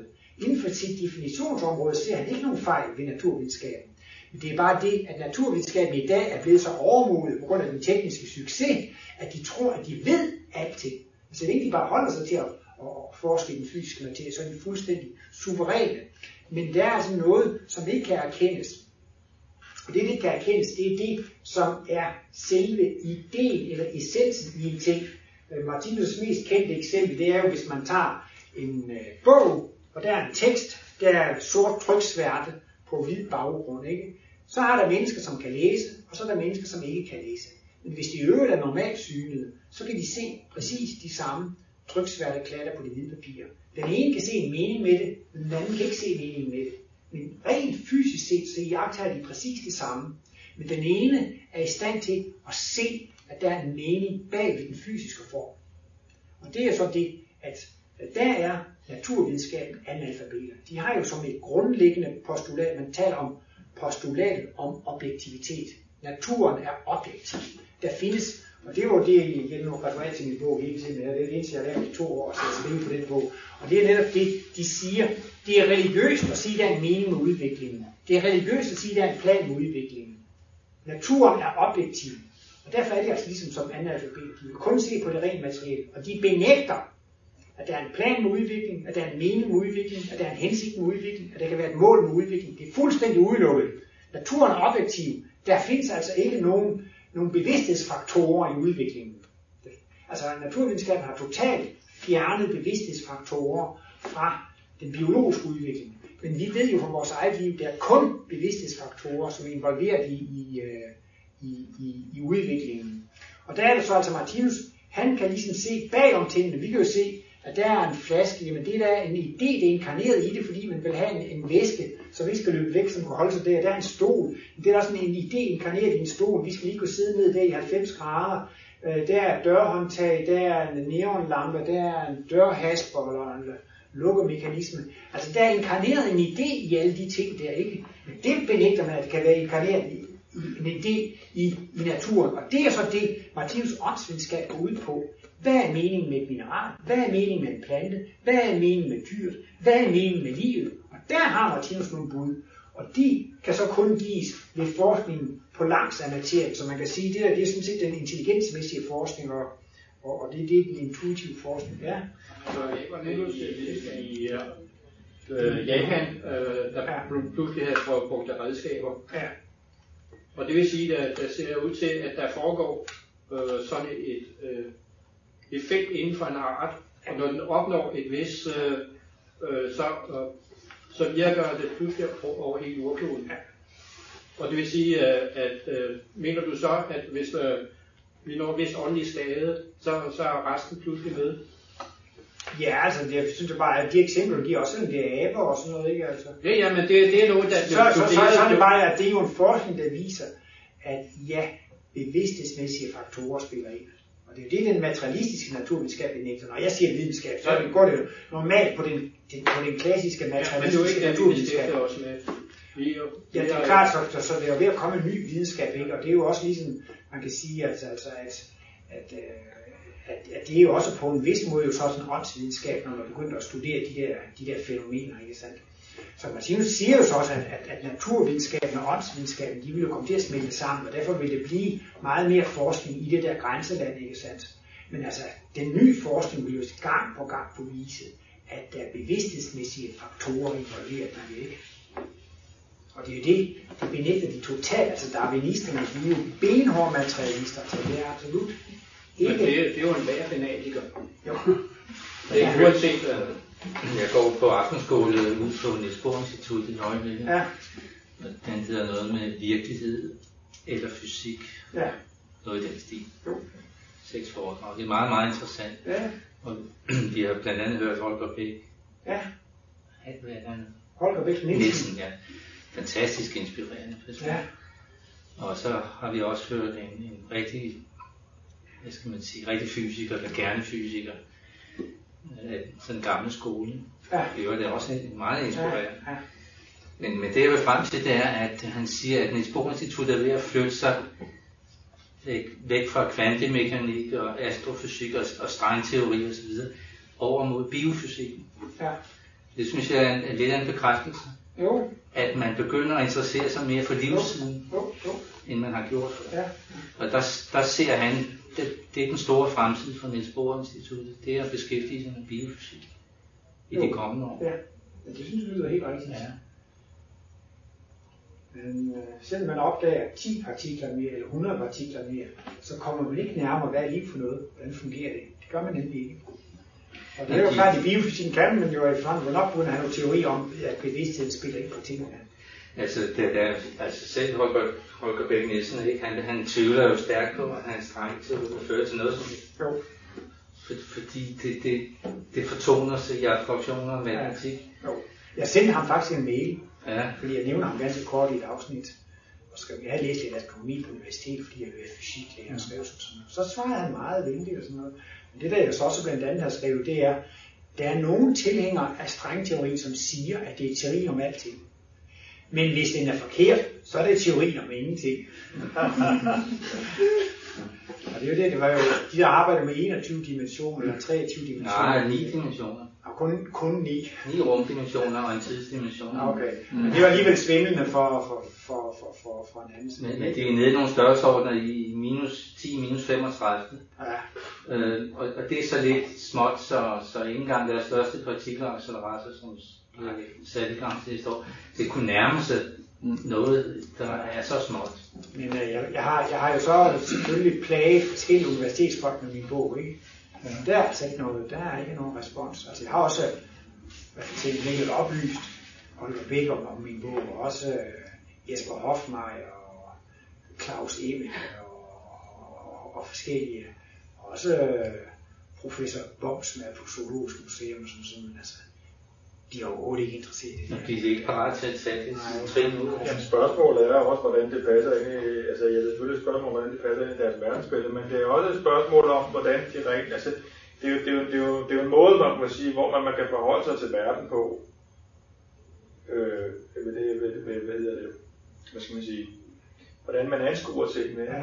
Hvilken større perspektiv man sætter det ind i, men det, det er faktisk tvivlsomt, hvor meget praktisk indflydelse det får på deres arbejde. Og så er der jo selvfølgelig dem, der er sådan meget hardcore darwinister, som du siger. Øh, Men der er jo masser af, af folk, der tror på udviklingslære, uden at være sådan øh, fuldstændig fastlåst, men godt kan, kan bløde grænserne op. Ja. Og, og, og hvad kan man sige? Og det, det er måske også lidt den diskussion, der har været omkring intelligent design og udviklingslæren. Et udtryk for, at der er grøde i, hvordan folk de forholder sig til begreberne. Ja. Det, jeg synes, der har været mest uheldigt ved intelligent design, det er faktisk, hvis det er sådan, at man opfatter alting som givet, og man så holder op med at stille spørgsmål ved det. Ja. Fordi så stopper man den naturvidenskabelige udvikling, og det vil sige, så begrænser man vores erkendelse. Har du en kommentar på det? Ja, altså, jeg synes jo, at intelligent design-teorien er umanerligt tynd. Ja, Den består faktisk bare i, at man skal bevise, at darwinismen er forkert. Og når man så mener, at man har gjort det med fossil og med biokemi eksempler, så jeg synes, deres eksempler på biokemi er gode. Og når man så er kommet der, så siger man, Darwin er forkert, ergo må der være en anden årsag. Der må være en intelligent årsag. Og så stopper teorien der. Så i virkeligheden viser den kun noget negativt. Den viser kun, at Darwin tager fejl. Ikke? Den har ikke nogen positive bud på, hvordan det så er foregået. Nej. Og hvis det endelig er, så er det ligesom om, at så er det jo så, kan man sige, sådan, altså, sådan ligesom større en guddommelig bevidsthed. Ikke? Og hvis man nu skal tage Martinus med, så mener han selvfølgelig, at en af hovedfaktorerne i udviklingen, det er jo en lille egen bevidsthed. Selvom det selvfølgelig også findes, som altså, jordkloden har en bevidsthed, og mælkevand har en bevidsthed, universet har en bevidsthed. Ikke? Øh, Så, så, så, så den er meget tynd, den intelligente design, og det bliver jo heller ikke accepteret som videnskab. Den, den, det, de erklærer, at det er en videnskab, ikke? og det er med videnskabs egne midler øh, modbevise. Men altså Martinus mener sådan set ikke, at videnskab tager fejl. Man skal bare være opmærksom på, at videnskaben arbejder inden for disse rammer. Inden for disse rammer er den suveræn, ikke? Men den tramper faktisk over, når den begynder at benægte, at der er en mening med, med, med udvikling, der er en hensigt med livet, der er en plan og en mening. Det er, det, det er uden for deres arbejdsområde. Der, der, der, der, der holder de sig ikke til deres oprindelige definition af arbejdsområde. Så må de bare sige, det er uden for vores område, det sysler vi ikke med. Hmm. I stedet for, for at afvise det, så må de bare sige, at det er uden for vores øh, arbejdsområde. Jeg ved ikke, om jeg lige må gøre reklame her.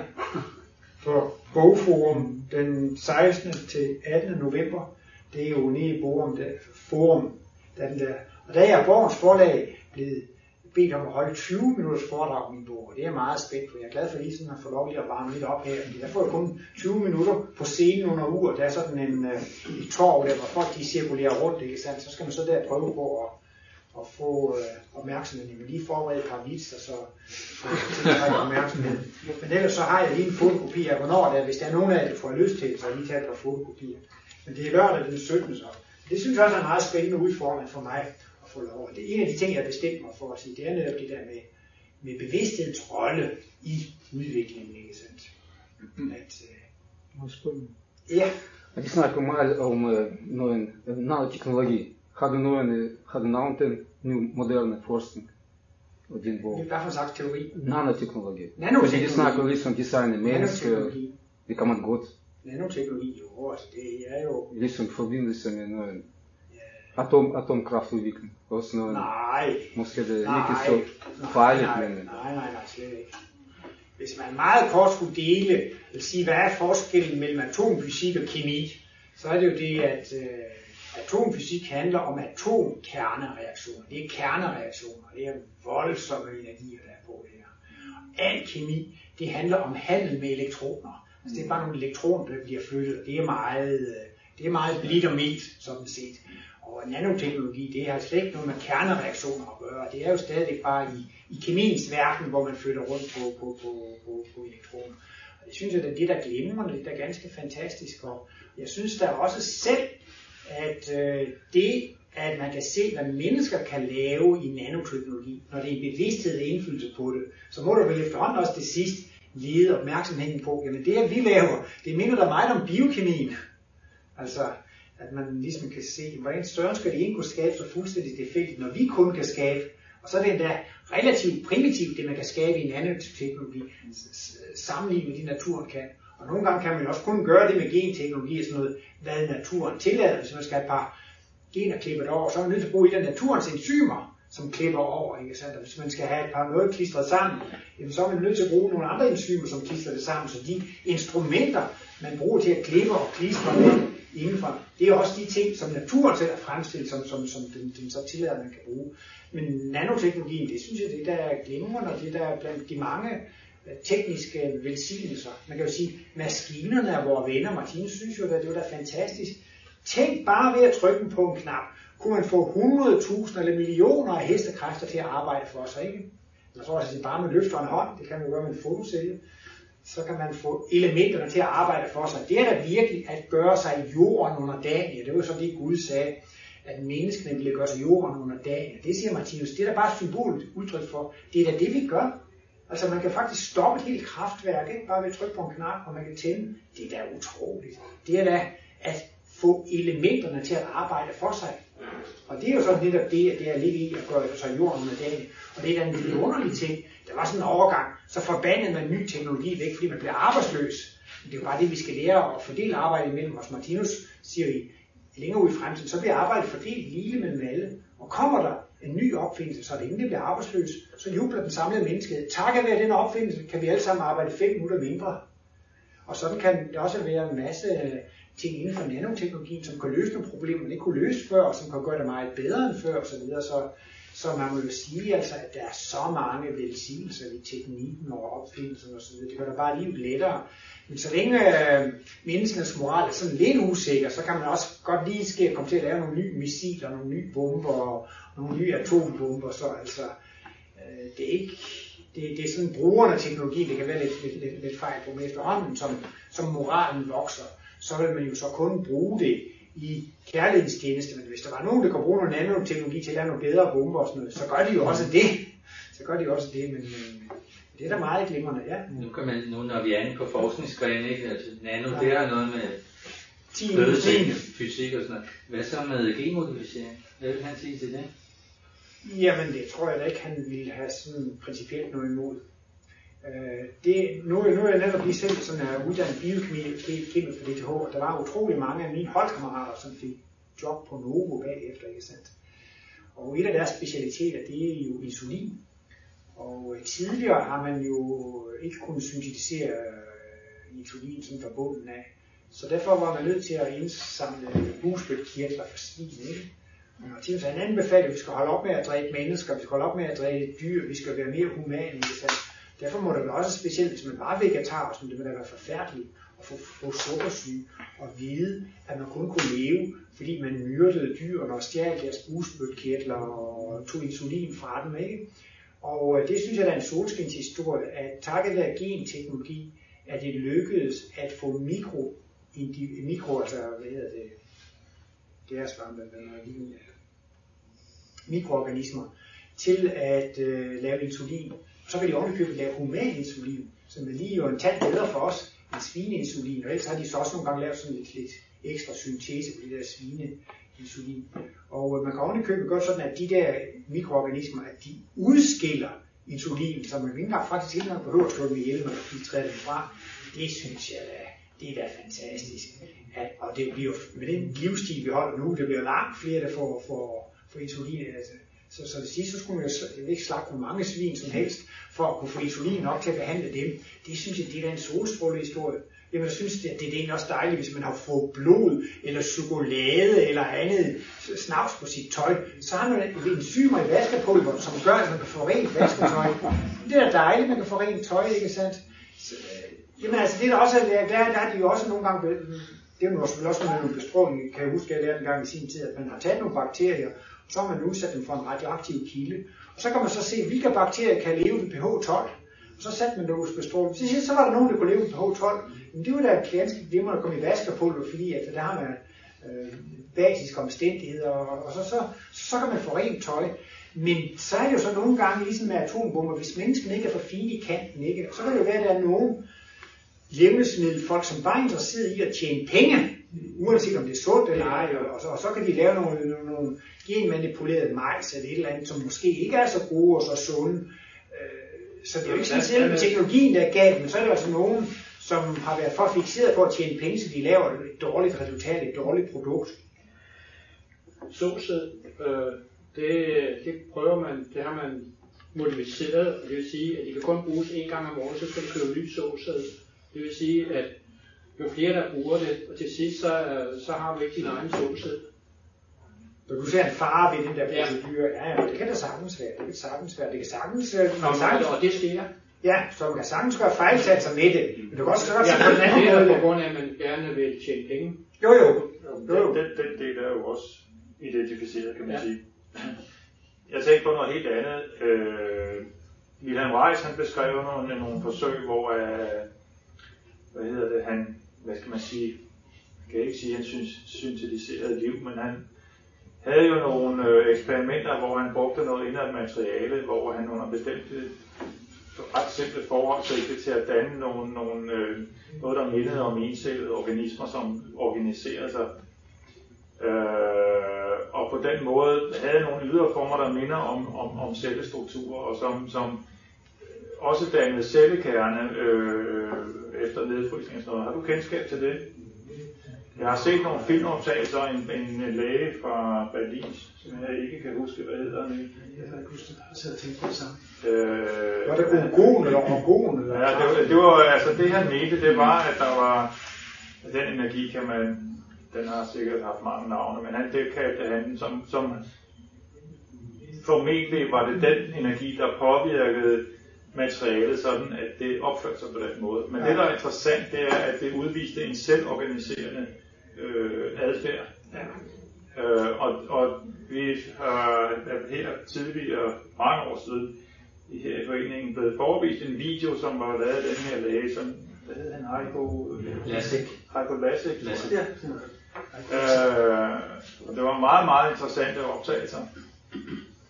Øh, men det ligger meget, hvad skal man sige, i tråd med denne her med, at livet eller energierne er selvorganiserende, det der, at der findes nogle principper, som styrer os og naturen, øh, med, selvfølgelig med tilførsel af energi og så videre udefra, men som er, hvad skal man sige, går imod den der termodynamiske død. Ja. Øh, Vil du supplere noget? Jeg sad her og ville fortælle om det samme. Og det sjove var, at han øh, anvendte destilleret vand, som han kogte igen og igen, for at være sikker på, at der overhovedet ikke var noget levende liv i det. Så brugte han øh, kulstøv, som var udglødet, som man nu kan gøre med kulstøv, uden det går i brand, og der ikke er til.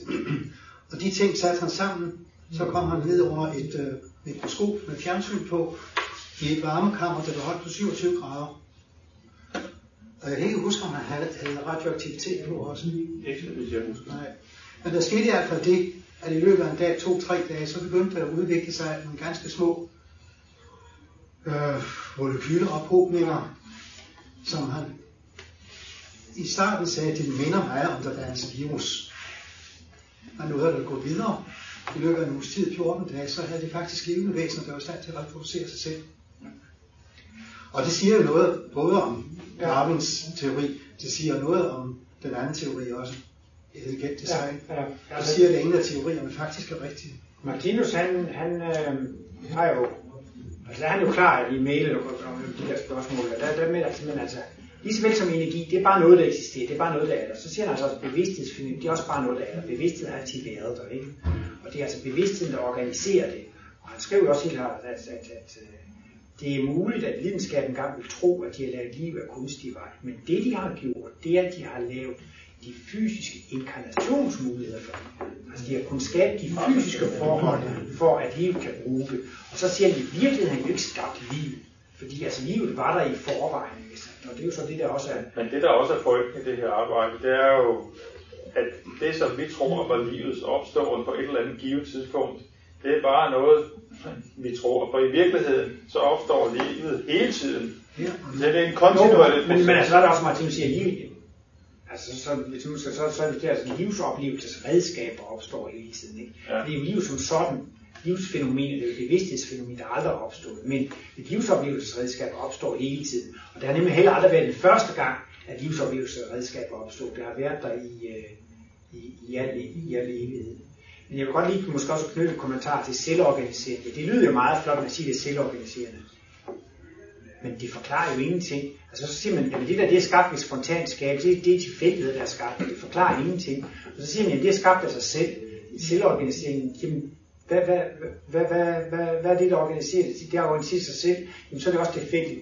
Men der argumenterer Martinus jo meget for, det ser ud som om, altså at det er selvorganiserende, det er, det at, at, at, at, på en måde, altså nu når Jesper Hoffmeier for eksempel, ham biokemikeren, ikke? han taler meget om selvorganisering, men mener, han har fundet det dybt tallerken, ikke? Men altså, så siger han altså selvorganisering. Hvad er så den, det er altså en materialistisk forklaring på det, at tingene organiserer sig selv, ikke? Men det har de da aldrig forklaret, hvordan ud fra tilfældighedsteori og den anden hovedlov og sådan noget, der er overhovedet intet, der tyder på, at der er noget i den materialistiske kemi og fysik, der gør, at tingene organiserer sig selv. Men det har Martinus analyseret utrolig meget. Og han siger, at i den sidste ende, så er selvorganisering et resultat af tidligere bevidste organiseringsprocesser. Og hvis man har organiseret og organiseret og organiseret, så er der altså de der ord øvelseborgmester, og så bliver det til talent, og så bliver det til en vane, og så foregår det automatisk. Og det er altså rigtigt, at det organiserer sig selv. Men en selvorganisering er en automatiseret handlemåde fra tidligere. Så, så, så i virkeligheden kan man, er det jo ikke en selvorganisering. Altså, det, det ikke er nogen, altså nogle gange så bruger man ordet selvorganisering som udtryk for, det er ikke nogen årsag til det. Altså jeg ser det omvendt. Jeg ser det netop som et udtryk for, at der virker nogle, nogle ting ud over den rene materie. Okay, Ja. Øh, så, så det er faktisk øh, ja, så er det bare lige omvendt. Ja. Fordi, fordi, altså, fordi når, når Jesper Hoffmann, han er jo materialist, ja. Han bruger selvorganisering som udtryk for, at det, det, det er en egenskab i den døde materie, Nå, som gør... Ja, det var ikke det, der var min baggrund. Nej, nej, okay, det var meget godt, at vi, vi, vi får det med, ja. fordi, fordi det er jo så, som Martinus' pointe ved det, at, at at man kan, altså det, det er en af de ting, der er basis for udvikling. Man træner og øver, og når man gør det til sidst, så går det helt automatisk til sidst. Og når det er gået automatisk, ikke, så er det jo faktisk, det er en frugt af bevidsthed. Ikke? Og det vil sige, at en selvorganisering, det er en frugt af gentagende bevidsthedsprocesser. Og det er så med, og så er det Martinus siger, at jamen, alle steder, hvor man kan skabe de rigtige fysiske betingelser, der vil det komme og inkarnere. Og så ser det jo meget imponerende ud, som om man har skabt livet man har bare skabt inkarnationsmuligheder for livet, eller man har skabt de fysiske omstændigheder for det. Fordi naturvidenskaben, jeg mener, de vil aldrig komme til at forklare, hvordan den døde materie bliver ophav til bevidsthed. Øhm, jeg så også bare lige, det var en af mine kammerater, der købte et eller andet blad om bevidsthed. Det hedder The Hard Consciousness Problem. Det er virkelig hårde bevidsthedsproblem. Det var her har vi noget, der går ind i bevidstheden, og her har vi, altså, her har vi noget, der går ind i et levende bevidsthed, og noget, der går ud af det. Men hvorfor i alverden, det at der er noget, der går ind, og noget, der går ud, hvorfor i alverden producerer det bevidsthed? That's the hard problem. Altså, det er jo virkelig det er et hårdt problem. Ja, og det vil de andre løse, fordi det ikke opstået på grund af en proces. Bevidstheden har altid været der.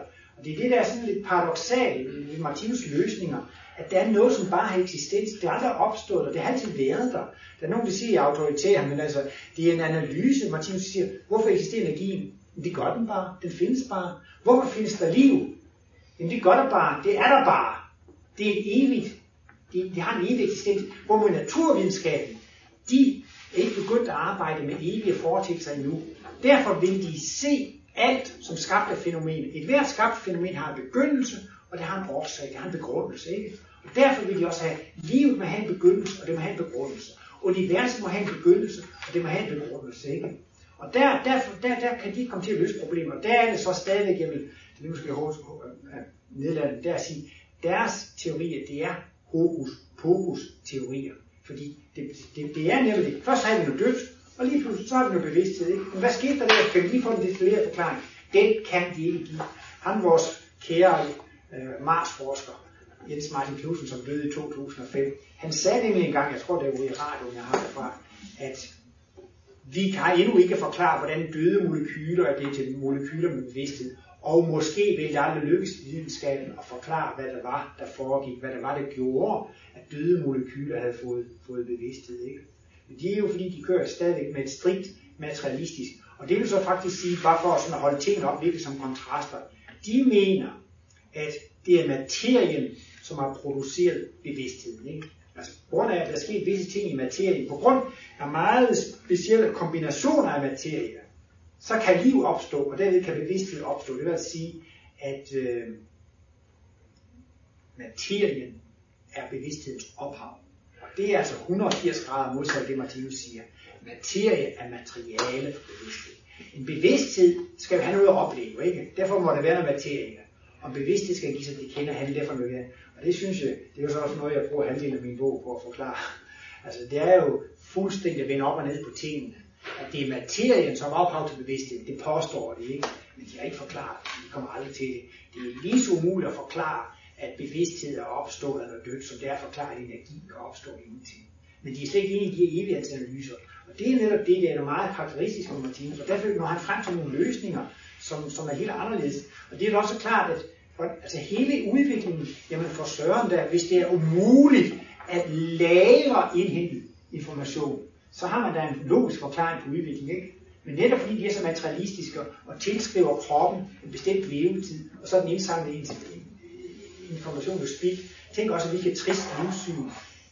Altså, der må man faktisk sige, at al oplevelse, al erfaring, al træning og øvelse er spildt i forhold til evolutionen. Hvis man træner sin intelligens, og træner sin intelligens, og træner sin intelligens, det giver ikke bedre gener for intelligens. Man siger, en mutation er som oftest en fejl, fejlkopiering. Når de her to dobbelt helixstrenge skal, skal, skal, skal deles, og det skal laves kopi, så opstår nogle gange nogle kopieringsfejl. Ikke? Det er en mutation. Og nogle gange er det en gunstig mutation. Det vil sige, at den her fejl gør, at nu får vi lige pludselig et gen, der sørger for, at jeg får en større hjerne, og derved får jeg mere intelligens. Ikke? Det kalder jeg hokus pokus teori, men de andre, de kalder det altså videnskab. Men det vil faktisk sige, at her siger man, at en fejlkopiering er årsag til en større intelligens. Det er da det rene hokus pokus. Men hvis man sidder her og strider og stræber og læser fysik og matematik og kemi, og man kan mærke, at man kan lave en kurve på, hvordan intelligens stiger, når man arbejder med det og træner og øver det, det er fuldstændig spildt i forhold til den darwinistiske teori. Al indlæring, altså man kan faktisk sige, altså, der, de siger jo, at tillærte egenskaber kan ikke nedarves. Og så bliver livet jo faktisk meget trist. Så må man faktisk sige, at enhver indlæring, enhver træning og øvelse og erfaring er spild i forhold til evolution. Hvorimod det får jo et helt anderledes øh, blik, når man kan se, livet indsamler information i alt livet, og ingen information er spild, fordi at det kan læres på nogle måder, og det er selvfølgelig det, naturvidenskab siger. Det er umuligt at lære information uden for den fysiske krop. Det er jo deres påstand. Hvordan kan man vide, at man ikke, kan hvordan man ikke kan lære information i elektrisk, magnetisk, i, i åndelig, sjælelig materie? Og så, så ser udviklingsteorien jo fuldstændig anderledes ud. Men det er så også en måde altså at tale om reinkarnation på. Ikke? Men det er jo alt for religiøst at bruge det ord, så det undgår jeg jo i min, i, i, i min bog.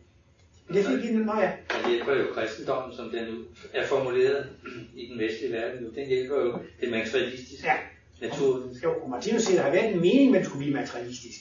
Og det er fordi, den her klode skal ende med at blive et fysisk paradis, hvor alle lever i fred og fordragelighed, og hvor alle lever i, i retfærdighed, hvor, hvor alt bliver fordelt. Og det kan man kun ved at have computere, der kan regne hele verdens husholdning ud. Det kan man kun ved altså at have internet og satellitter og, og så videre. Altså man kan jo faktisk sige, at, øh, at, øh, at vores jordklode vil jo ikke kunne blive den her. Altså vi får jo flere og flere eksempler på, hvor fabelagtigt godt det virker, det her med internettet. Ikke? Det, det er helt utroligt. Og øh, satellitter og så videre. Og det siger Martinus, denne teknik er en fysisk forudsætning for at kan skabe et rigtigt verdensrige. Så derfor har det været godt, og der garanterer Martinus med, teknikkens vugge vil aldrig have stået i et åndeligt land. Det vil aldrig have stået i et land, som, som troede på reinkarnation og sådan noget. Det, så derfor blev det også de kristne lande, som blev de største teknikere, de største materialister. Fordi at de havde ikke reinkarnationen med. Så det var godt nok. Selvom Martinus så mener, at Jesus han havde nok, og der er nogle steder, de der tyder på det. Det er en helt anden diskussion. Men det var ganske udmærket, at det kom væk for det har altså været en fordel for teknikken, og teknikken er en fordel for skabelsen af det internationale verdensrige. Ja, jeg tror, vi er lige ved at holde, men der er stadigvæk lidt spørgsmål. Og det var Anders, der tænkte på. No, øh. jeg, jeg, jeg fik lige fornemmelse af, jeg tror, vi er ved at komme til vej til ende. Øh, du nævnte, at reinkarnation var, var det egentlig kristne, men den blev fjernet i år, 3 eller år 400 for, for Bibelen. Ja. Jeg har for nylig lært, at det var ikke reinkarnation, der blev fjernet, men det var teorien om en præeksistens, der blev fjernet. Ja, men det er jo sådan set det samme. Ja, men altså, det var bare, jeg blev belært om, at det var ikke reinkarnation som sådan, men man havde op, kan man have haft en eksistens før fødslen. Og det, vil så, og det vil så enige om i det møde, at der findes ikke nogen præeksistens. Så nogle gange så skal man sådan se det meget, om man taler om præeksistens eller posteksistens. Det er der i hvert fald inden for kristendommen, ikke? Altså, fordi kristendommen har så altså udelukket en præeksistens. Men den udelukker ikke en posteksistens. Især hvis man opfører sig pænt og artigt og sådan noget. Så, kan man jo, eller et eller andet med, at så skal man jo vækkes op for de døde og vækkes op på, på, på dommens dag og så videre. Så, så, der er også en, så de arbejder jo mærkeligt nok med en posteksistens, men ikke med en præeksistens. Og så er det jo på måde ikke reinkarnation. Det er der virkelig også fokus på. ja. Jeg siger tak for i aften. Jeg var glad for at være her